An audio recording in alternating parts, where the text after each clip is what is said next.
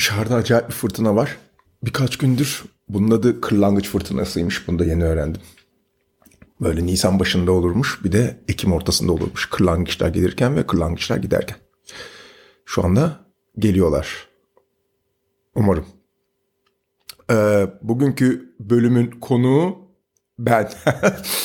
ya şey e, benim ilk dinlediğim podcast değil belki ama ilk düzenli dinlediğim podcast e, Tangential Speaking diye Chris Ryan diye bir Amerikalı bir e, yazarın podcast'iydi ve işte 2012'de mi ne podcast'ini dinlemeye başlamıştım. Yani e, ve hala da dinliyorum eskisi kadar e, yoğun bir şekilde olmasa da. Ha bu arada bir şekilde adamın kendisiyle tanışmayı ve hatta podcast'ine konuk olmayı bile becerdim. Hatta bunun için Atina'ya gittim. Hatta iki kere becerdim ama ikisi de yayınlanmadı. Ee, onu da başka bir zaman anlatırım belki. İşte onun podcast'inin ve yine bir o kadar çok dinlediğim Joe Rogan'da da hani e, bir konuk alıyorsun ve o konukla başlıyorsun konuşmaya, muhabbet ediyorsun yani normalde evinde, bahçende e, nasıl muhabbet edersen. Benim de hep kafamda zaten böyle bir şey vardı. O yüzden de hani e, bazen tabii yakın arkadaşlarım ya oğlum şurada çok konuştun, oh burada çok anlattın falan diyorlar da hani çünkü bu bir muhabbet olduğu için hani ben de konuşuyorum ve anlatıyorum bazen. Ee, bir de tabii onlar benim hikayeleri bayağı aşina olduklarından herhalde eminim bıkıyorlar ve oğlum birazcık karşı tarafı dinleyin diyorlar. Onları da anlıyorum açıkçası. Ee, yani bir de Chris Ryan'ın işte Roma diye bölümleri vardı. Yani onlar neydi? İşte Renting Out of My Ass sin kısaltılmış Roma. Ee, yani nasıl çevirelim? Ee, kıçımdan söylenmeler gibi. Ee, ya böyle bir işte hani o dönem okuduğu bir kitap veya seyrettiği bir film veya karşısına çıkan bir haber veya başına gelen bir şey veya bunlardan birçoğu hani böyle oturuyor böyle yarım saat 40 dakika falan bir şeyler anlatıyor yani hani böyle bölümler. Ben de hani böyle bir bölüm e, yapmayı düşünmüştüm ne zamandır ve anca bugüne kısmet oldu ama bölümün adını ararken düşünürken hani işte e, e, ya ben de böyle kıçlı götlü bir şeyler ben de kıçımdan falan bir şeyler uydurup konuşacağım ya o yüzden de böyle kıçlı götlü bir ismi versem bu bölümlere diye düşünürken aklıma Can'la bir hikayemiz gelmişti. Can, sevgili Can Atalay, avukat e, Şerafettin Can Atalay şu anda hala e, Silivri cezaevinde. E, gezi direnişinin, e, gezi direnişiyle ilgili açılan dava nedeniyle hani 18 yıl cezaya çarptırılan kişilerden bir tanesi. Daha önce biraz bahsetmişimdir belki. Birim Marmara Hukuk'tan çok yakın arkadaşım ve açıkçası şefim ve e, onun e, müridi olmaktan çok e, gurur duyuyorum. İlk de okulun birinci günü tanışmıştık. İlk okula kayda geldiğim gün tanışmıştık 96 senesinde. E, o benden e, iki dönem büyüktü ve işte e, ÖDP'li ben de işte ÖDP'ye yeni kayıt olmuşum ama Can'la tanışmamışız. Bir de Can'a birkaç yerden birden e, işte İzmir'den devrimci birisi geliyor aşkın diye haber gitmiş. Ama yani o kadar alakasız ki giden yerler yani. E, çok komik yani o da böyle üç yerden böyle bir şey gelince bekliyor karşısında böyle Kırkpınar güreşçisi gibi post bıyıklı işte dosta güven düşmana korku saçan bir tip. Yani o e, koridorda tanışma anımızı hatırlıyorum. Ben e, ben Can'a bakıyorum böyle nasıl yani diye. O bana bakıyor nasıl yani diye. E, benim üzerimde bu Chris Cross diye bir grup vardı eskiden. İşte böyle çok bol pantolonlar giyerler. Bende de inanılmaz, pardon onlar ters giyerlerdi bir de pantolonu galiba. Bende de böyle inanılmaz bol bir pantolon var. Ama yani öyle böyle değil. Çünkü ben işte e, kaykaycıyım ve hala kaykay geleneğinden e, taşımaya çalışıyorum falan. Çok cool olduğunu zannediyorum o pantolonların. İşte ayağımda böyle kaykay ayakkabıları, e, cüzdanımdan sarkan bir şey, zincir. Ve üzerimde New York, kafamda New York Yankees şapkası, kulağımda küpe. Böyle yani herhalde okulda en az devrimciye benzeyen tip bendim yani. Camda da upuzun zaten çok kabarık ve şey kıvırcık saçları e, arkada toplamış böyle e, Norveç death metal e, grubu vokalisti gibi böyle ben ona bakıyorum o bana bakıyor ben diyorum bu mu ya lan ÖDP'nin lideri şeydeki Marmara'daki o bana bakıyor ve kim bilir neler düşünüyor. Neyse sonunda ama iyi arkadaş olduk o ilk hayal kırıklığından sonra. Bana da okuldaki e, şeyleri anlatıyordu. E, işte siyasetler işte şunlar tödefçi bunlar bilmem neci işte şunlar dev solcu bunlar tikkocu vesaire falan veya öyle geçiniyorlar yani. E, işte sonra da işte şunlar dedi onlar göççü dedi. Ben böyle efendim? dedim. İşte onlar dedi göççüler dedi. Nasıl yani ya? dedim. Evet dedi. Yani böyle ya dedim. Nasıl yani? Böyle bir böyle bir ekip mi var? dedim. Ya böyle bir siyaset mi var? dedim. Evet dedi. Ya öyle çok da dedi e, hani önemli de değillerdi. Çok kalabalık değiller. Yani İstanbul Merkez Kampüs'te biraz dedi sayıları vardı. Onun, de, onun dışındaydı hani e, burada birkaç kişiler o kadar falan dedi ya. Ben dedim inanamıyorum yani böyle bir isim yani inanamıyorum. Dedim hani cılkı çıkmış bu işin gerçekten. Neyse meğersem gençlere özgürlük cephesiymiş ama ben böyle uzun süre onun e, başka bir şey olduğunu zannediyordum. Neyse aklıma bu geldi ve e, Can Can geldi tabii ki. Can çok ilginç ya şey galiba Hazreti İsa gibi bizim tırnak içinde günahlarımızı çekiyorlar. Ee, Osman Kavala, o Hakan Altınay, Tayfun hep birlikte. Ee, o koca Gezi direnişinin e, günahı bunların boynuna kaldı. İnşallah çok uzamayacak bu iş ve canımıza yeniden kavuşacağız. E, bunları düşünürken aklıma e, Can'la birlikte tabii Gezi geldi. Gezi ile birlikte 6 Şubat geldi. E, hani 6 Şubat depremiyle Gezi'nin ne alakası, ne ilgisi olabilir diyorsunuz belki. Şöyle e, bu yaz bir kitap okudum adı Paradise Built in Hell. Türkçesi cehennemde ortaya çıkan cennet şöyle konusu yani kurgu dışı bir kitap ve e, yazarı Rebecca Solnit son 100 senedir meydana gelmiş belli başlı doğal felaketler e, veya savaşlar, terör saldırılarıyla saldırını inceliyor ve bu felaketlerin bu e, korkunç, bu trajik zamanların ardından o toplumlardaki insan o toplumsal dinamiklere bakıyor. Yani nasıl bir toplum yapısı ortaya çıkıyor, insanlar nasıl davranıyor. Çünkü bilirsiniz yani hep aklımızda e, eğer otorite ortadan kaybolursa hani e, yeniden tırnak içinde orman kanunlarına döneceğiz. Ve orman kanunları ne demek? Hani e, güçlü zayıfı ezer. Yani bizim bizim doğamız o ya hani herkes birbirinin boğazını keser. E, herkes sınırlı kaynaklar için birbirini öldürür. Bir Mad Max bir e, işte hani korkunç bir distopya yaşanır. Hani tahminimiz, bildiğimiz, e, bize öğretilen bu.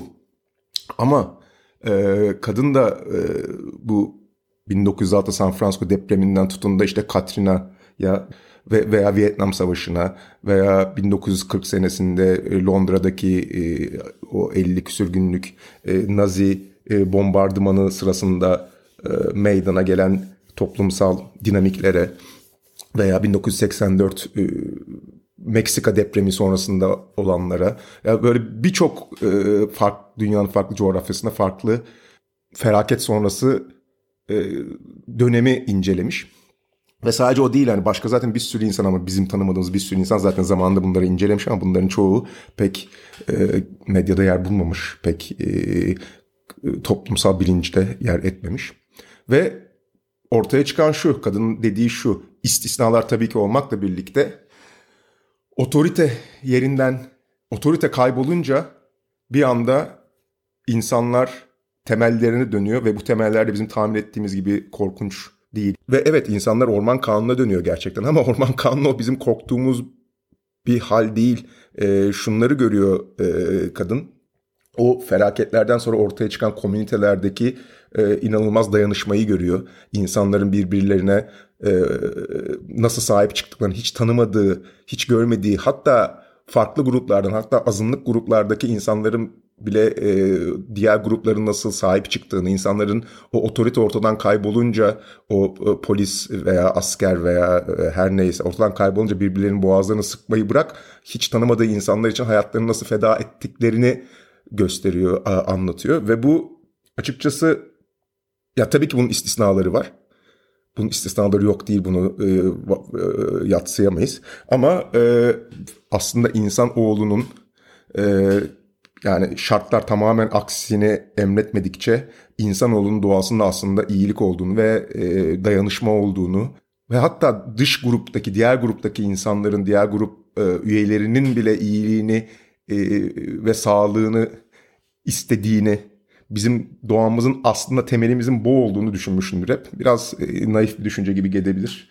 Bilmiyorum. E, ama aslında sabit bir insan doğasının olmadığını da hep düşünmüşümdür. Yani hani olaylara göre değişen, e, şartlara göre değişiriz. Yani bir anda çok farklı davranırken diğer anda yani başka şartlar altında bambaşka içimizden şeytan çıkabiliyor veya melek çıkabiliyor. Ama neyse sonuçta bu kitap bunu anlatıyor ve hani e, insanın gözlerini dolduran e, hikayeler var gerçekten. Benim gözlerim de çok çabuk olar bu arada. Bir işte bu 6 Şubat sonrası bu kitabı hatırladım yeniden. Bu kitabın anlattığı hikayeleri hatırladım. Ve e, bir tek bunu değil e, Gezi'yi de hatırladım. Gezi'yi de şu yüzden hatırladım. Bu kitaptaki hikayelerde, e, bu kişisel hikayelerde paylaşılmış. İnsanların bu felaketler öncesi yaşadıkları hayatla felaket sırasında, felaket sonrasında yaşadıkları hayat. Hatta seneler sonra bu felaket günlerini e, iyi şekilde anıyorlar. O günleri özlüyorlar bile. E, tabii herkes için bu geçerli olmayacak çok büyük ihtimalle ama e, bu Sebastian Younger diye bir yazarın hani Tribe diye bir kitabı vardı. Belki daha önce bahsetmişimdir. E, çok çok önemli bir kitap bence. Onda da yine bu savaş döneminde insanların yaşadıkları o dayanışmayı daha sonra nasıl özlediklerini anlatıyor ve ne kadar ilginç değil mi? Yani hani bu trajik zamanları insanların özlemesi aslında aklını yani çok şaşırıyorsun ya nasıl insan trajik bir zamanı özler diye. Ee, işte kitapta da mesela bir cümle beni çok e, çok etkiledi. Bir Nikaragua'da 1970'lerin başındaydı galiba bir deprem sonrası e, bir bir tanıklık var. E, kadın diyor ki yani o deprem sonrasında insanlar birbirlerine yardım edip herkes hayatta kalmaya çalışırken ve eşinin dostunun hayatta kalmasını sağlamaya çalışırken onun nasıl bir anlam verdiğini ve kendi derdini bırakıp da daha büyüğün kolektifin, komünitenin, başkalarının, e, kabilenin, eşinin, dostunun derdiyle ilgilenmenin nasıl bir ferahlık ve nasıl bir hayata anlam kattığını anlatıyordu. Ve ben o cümleleri okuyunca direkt aklıma tabii ki Gezi geldi. E, bu bu podcast'i dinleyen birçok insanın e, Gezi'de yer almış olduğunu tahmin ediyorum. E, yer almamışsa bile hani bunu desteklediğini tahmin ediyorum. Eğer yer almamış ve desteklemiyorsa bile ki umarım böyle insanlar da vardır. Yani onlarla da onlara da ulaşmak tabii e, çok isterim. Hatta o, onlar onları konuk etmek de isterim. Neyse e, gezi sırasında ben de çok benzer bir hal yaşamıştım. Çünkü ondan önceki geziden önceki herhalde 6-7 ay hayatımın en ama en zor dönemlerinden biriydi. Niye zordu?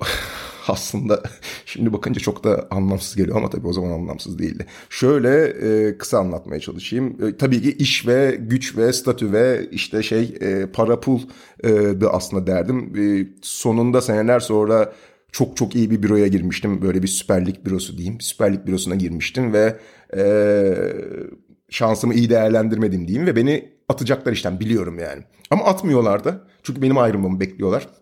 Öyle de boktan bir sevgili de benim e, eski patronum. E, şu anda da milletvekili adayı.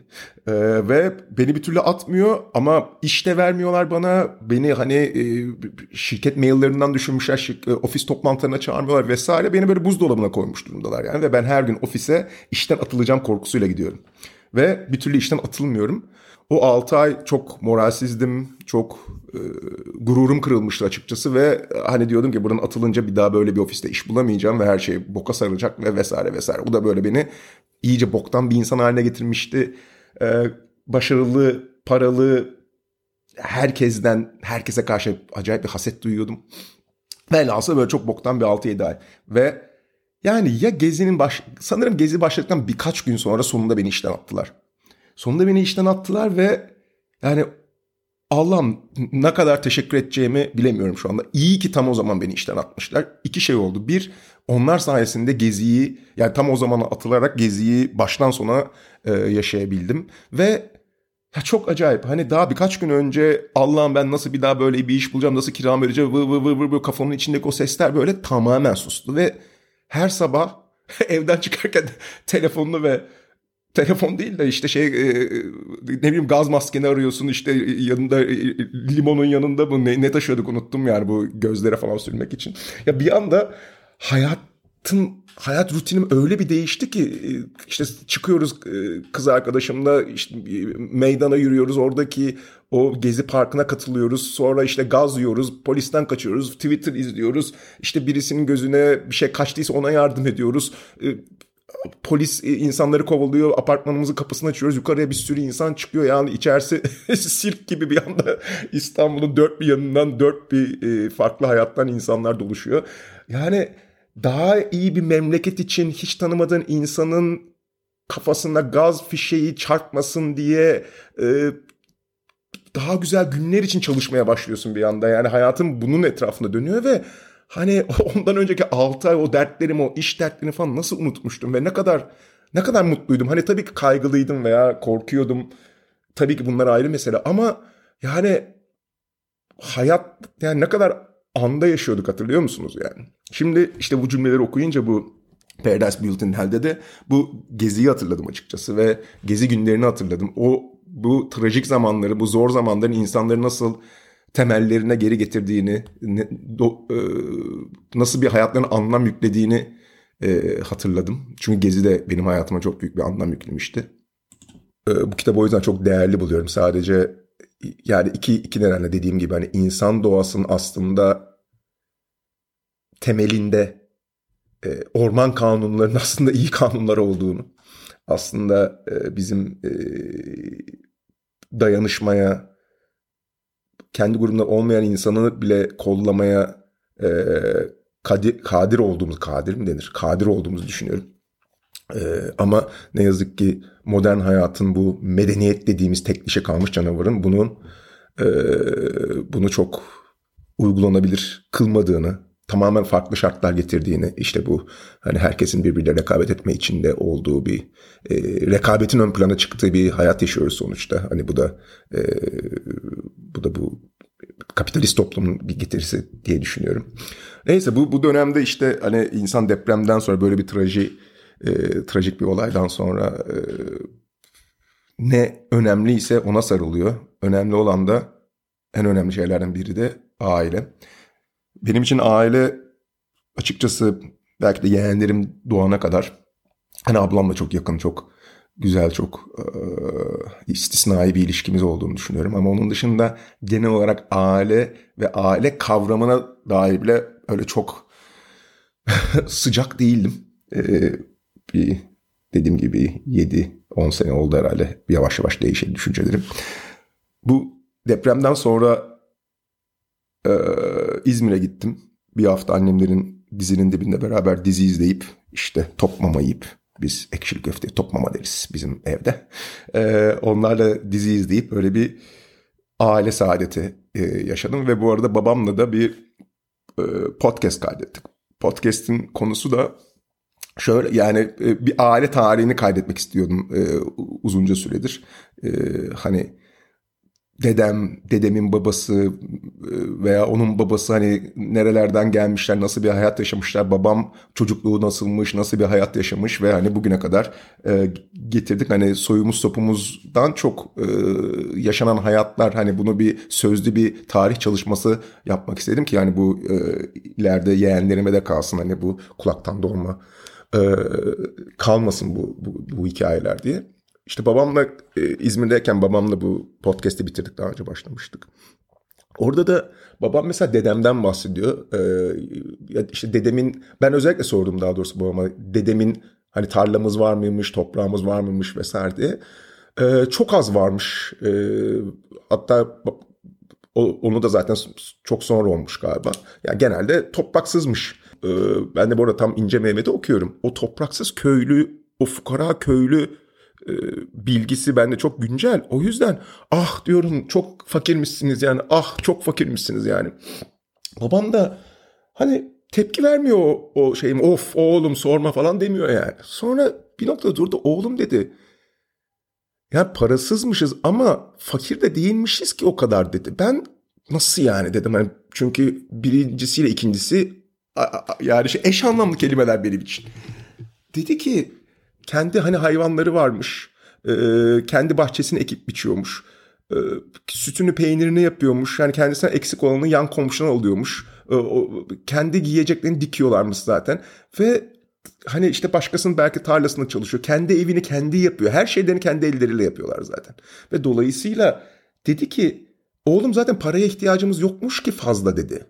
Ana dedim ben hiç böyle düşünmemiştim. Çünkü görüyorsunuz yani iki jenerasyon sonra hani bizim geldiğimiz yeri şu anda ben hani marketler 10 gün kapalı kalsa beni ölü bulursunuz evde yani. Hani ben e, bırakın hani kendi evini falan yapmayı e, biz biz tamamen hani kendi uzmanlığımızı e, satarak karşılığında aldığımız parayla gidip karnımızı doyuruyoruz. Yani iki jenerasyon içinde e, alt üst olmuş bir e, toplum yapısından bahsediyoruz ki bu bütün dünya için geçerli bu arada sadece Türkiye için geçerli değil. Ve bu alt üst olma da yani bu uzmanlık ve işte e, kurumsal hayat e, işte uzman iş gücü işte hizmet sektörü vesairenin gelişmesiyle tabii bütün kırsal boşaldı ve şehirlere doluştuk ve işte hani depreme de birazcık bu e, bu gözle de bakıyorum. Bu kadar insanın bu kadar milyonlarca insanın üst üste tepe tepe oturması ya aslında kimse çok bayıldığından değil bence zorunda olduğumuzdan yani. Ve e, bir de böyle gördüğümüzden başka bir hayat mümkün olmadığından ki gerçekten de çok e, bunu böyle başka bir hayatı hayal etme yetilerimiz de elimizde kalmadı. E, işte hani birazcık da bu e, deprem meselesi hani e, işte e, şeytan müteahhit işte e, kötü belediyeler e, işte açgözlü politikacılar onların suçu bunun hepsi demek veya işte tamamen takdiri ilahi demek veya ikisinin karışımı. Hani ben birazcık daha dışarıya çıkıp birazcık daha e, fotoğrafa daha geniş açıdan bakınca aslında tamamen bir medeniyet e, sorunu olduğunu düşünüyorum. Hani e, o yüzden de zaten şehirler bizi ne kadar mutlu ediyor ki e, bu şehirlerde yaşıyoruz. Hani zorunda olduğumuz için yaşıyoruz ama hani belki de elin en azından elinde fırsatı olan insanların artık hani uzaktan çalışma da e, daha mümkün olduğu için bu depremi bu şehirler galiba artık bizi istemiyor diye e, okuması gerektiğini düşünüyorum. Açıkçası benim yani herkesin e, hayatı kendine ve herkesin şartları farklı tabii ki yani ama bana çok iyi geldi. Bir de biliyorsunuz seçimler yaklaşıyor. Geçenlerde birisine diyordum. Abi diyordum hani hani bu seçim stresi yaşamaktansa sana e, şey verseler tamam kaybedeceksiniz ama hani o e, işte seçim öncesini ve seçim sonrasındaki iki hafta yaşamayacaksın. Seçim sonrasında iki hafta uyanacaksın deseler kabul eder misin? Direkt kabul ederim dedi. e, çünkü birçoğumuz için bu seçimlerin getirdiği stres bayağı ağır bir stres ve çok çok iyi anlıyorum. Ama burada bir hani seçimlerle ilgili bir tek şunu söyleyebilirim belki. 16 Temmuz'dan sonra pardon 15 Temmuz'dan sonra işte İstanbul'daydım, Cihangir'deydim. Belki orada e, o sonik bombalar vesaire hatırlarsınız. Yani korkunç bir dönem. Ondan sonraki birkaç gün sonra dedim ben ne yapıyorum burada? Atlayıp Kaş'a gittim. Kaş'ta da oraya da yeni taşınmış bir arkadaşım vardı. dedi ki ya dedi biz 16 Temmuz'da dedi hani sahilde kaldığımız yerden tavla oynayıp e, bira içmeye devam ediyorduk. Yani buraya dedi 15 Temmuz uğramadı dedi. Ve o zaman fark ettim. Gerçekten Kaş'a gittim. Kaş'ta herkes aynı şekilde hayatına devam ediyor. Yani İstanbul'da her an gelip de boğazımızı mı kesecekler ne olacak falan veya böyle işte e, araba konvoyu dağıt dağıt dağıt uuu, Tayyip falan diye gezerlerken Kaş'ta püf, sanki hiçbir şey olmamış gibi. Orada biraz fark ettim yani aslında bu bu siyasetin getirdiği bu bizsiz e, stresinin stresi de aslında birazcık büyük şehirlerde yaşamanın getirdiği bir stres. Oradan çıkınca e, çok daha aslında e, in, insan ilişkiler değişiyor ve hani yine hani e, anti şehircilik yapacağım ama e, buradan tek bir hani tavsiyem olabilir. Şimdiden çünkü e, bu seçimleri de kaybederse yurt dışına kaçacağız muhabbeti başladı. Ben herkese yurt dışına gitmeyi denemeden önce bir Türkiye'de şehir dışında bir yerde ya büyük şehirler dışında bir yerde yaşamayı, yaşamaya çalışmanızı öneririm. Hem daha ucuz olur hem daha kolay olur hem baktığınız olmuyor. O zaman işte Barcelona'ya veya Kanada'ya veya neresi ise e, tercih ettiğiniz oraya gidersiniz.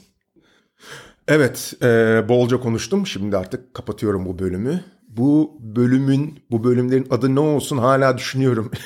Erdener abi abi bölümleri mi olsun yoksa işte kıçlı başlı bir şey mi olsun hala. İşte biraz önce aklıma Günlerin Köpüğü geldi işte. Günlerin bana getirdiği. Bu Günlerin Köpüğü de şey e, Boris Vian'ın bir romanıydı. Ee, işte 20'lerimde okumuştum. Of, acayip etkilenmiştim. Ve e, orada da Chloe diye bir karakter vardı. Onu da çok sevmiştim. Baş karakterdi. E, sonra hatırlıyorum ICQ dönemiydi. Ben böyle Birleşik Arap Emirlikleri'nden mi? Ya Orta Doğu'dan bir hatunla Swordfish'te onun takmadı da yazışmaya başlamıştık ve o yazışma bir noktada böyle e, aşk yaşıyoruz artık. Ee, işte artık birkaç ay sürmüştü yanlış hatırlamıyorsam. Her gün geliyorum işte oturup böyle açıyorum e, ne haber hayatım nasıl geçti günün vesaire böyle konuşuyoruz benim böyle çatma patma e, çatpat İngilizcemle. Sonra bir gün fark ettik ki e, Swordfish bir erkek. E, yani ben niye Swordfish yani kılıç balığı isminde bir kız olabileceğini düşünmüşüm. Hiç bilmiyorum herhalde e, wishful thinking diyebiliriz. E, ama onun beni kız zannetmesi normal çünkü benim takmadım Chloe. Ama Chloe'nin kız adı kadın adı olduğunu da bilmiyorum. Ben aslında günlerin köpüğünü de anlamamışım yani. O, o zaman anladım. Yani sonra kitaba baktım. Aa bir dakika lan. Bilmiyorum kafam çok karışıkmış. Ama hatırlıyorum yani bir gün böyle ikimiz de birbirimizin erkek olduğunu fark ettiğimizde böyle aylar süren chat böyle orada son bulmuştu. Ee, neyse bu bu chat de burada son bulsun artık. Ee, hepinizi seviyorum. 14 Mayıs'a kadar arkadaşlar e, sinirlerimize hakim olalım. Ee, bu arada son olarak Tolgay'cım sana da teşekkür ederim. Hepinize sevgiler, saygılar.